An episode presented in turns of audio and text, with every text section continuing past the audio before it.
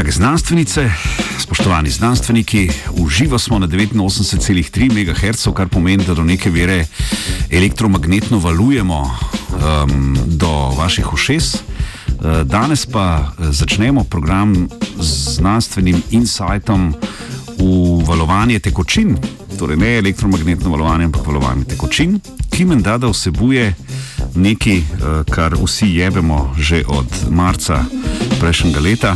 Uh, to so ježi. Ne? Več o tem pa tako izdele. Um, za ogrevanje mandibule, ki ponovadi naredimo na začetku, imamo tokrat samo um, tri besede: physical review letters, nič težkega, nič težkega. Za uh, dobro jutro 22. 2. 2002 in ena leta.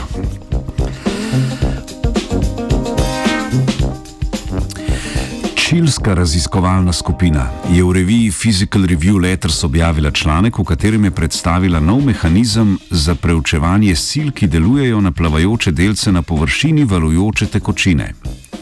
Pri tem je odkrila presenetljive, ježem podobne strukture.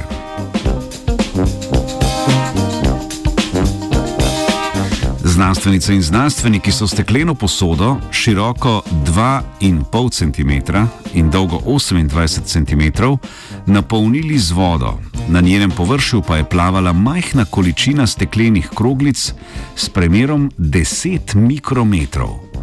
Posodo so postavili na nihajoč bat, ki je mešanico tresel v vertikalni smeri in ustvarjal valove, zaradi česar so se začeli trdni delci prerasporejati. Pri tem so znanstveniki spreminjali frekvenco in amplitudo nihanja ter opazovali nastale vzorce.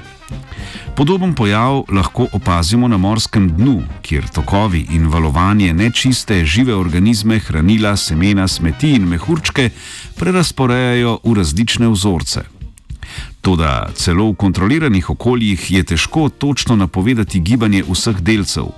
Zato je kriva predvsem interakcija tekočine s stenami, ki močno vpliva na izgube energije. Delci lahko zaradi tega začnejo odstopati od periodičnega valovanja tekočine in se samo organizirajo v nove strukture.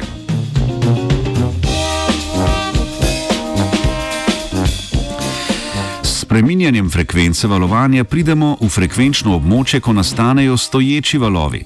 Pri tej frekvenci vrhovi ne potujejo več po snovi, ampak dobimo območja hribov, ki nihajo v doline, ter vozlišča, kjer je tekočina stacionarna in ne niha. Tako so se med steno ter vozlišči oziroma hribi oblikovale celice, znotraj katerih so delci začeli krožiti. S spreminjanjem amplitude valovanja so opazili štiri faze razvoja vrtincev.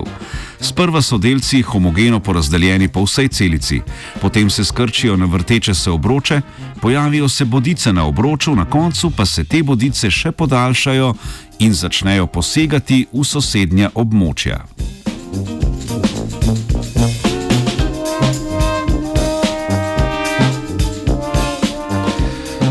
Skupina je opazila, da kljub povečani koncentraciji delcev osupljivi vzorci še vedno nastajajo. Vzorci torej niso odvisni od interakcije s trdnimi delci ali pa od njihovega vzgona, kar je v nasprotju z rezultati poskusov na večjih delcih. Ugotovili so, da kroženje vzorcev in deformiranje obročev nista posledica samega valovanja, ampak toka, ki ga ustvarijo strižne sile na stiku tekočine s stenami posode. Avtori še dodajajo, da bi te na novo odkrite tokove lahko izkoristili, denimo za zbiranje in odstranjevanje kontaminatov iz industrijskih tekočin. Z delci je spet plavala Tina.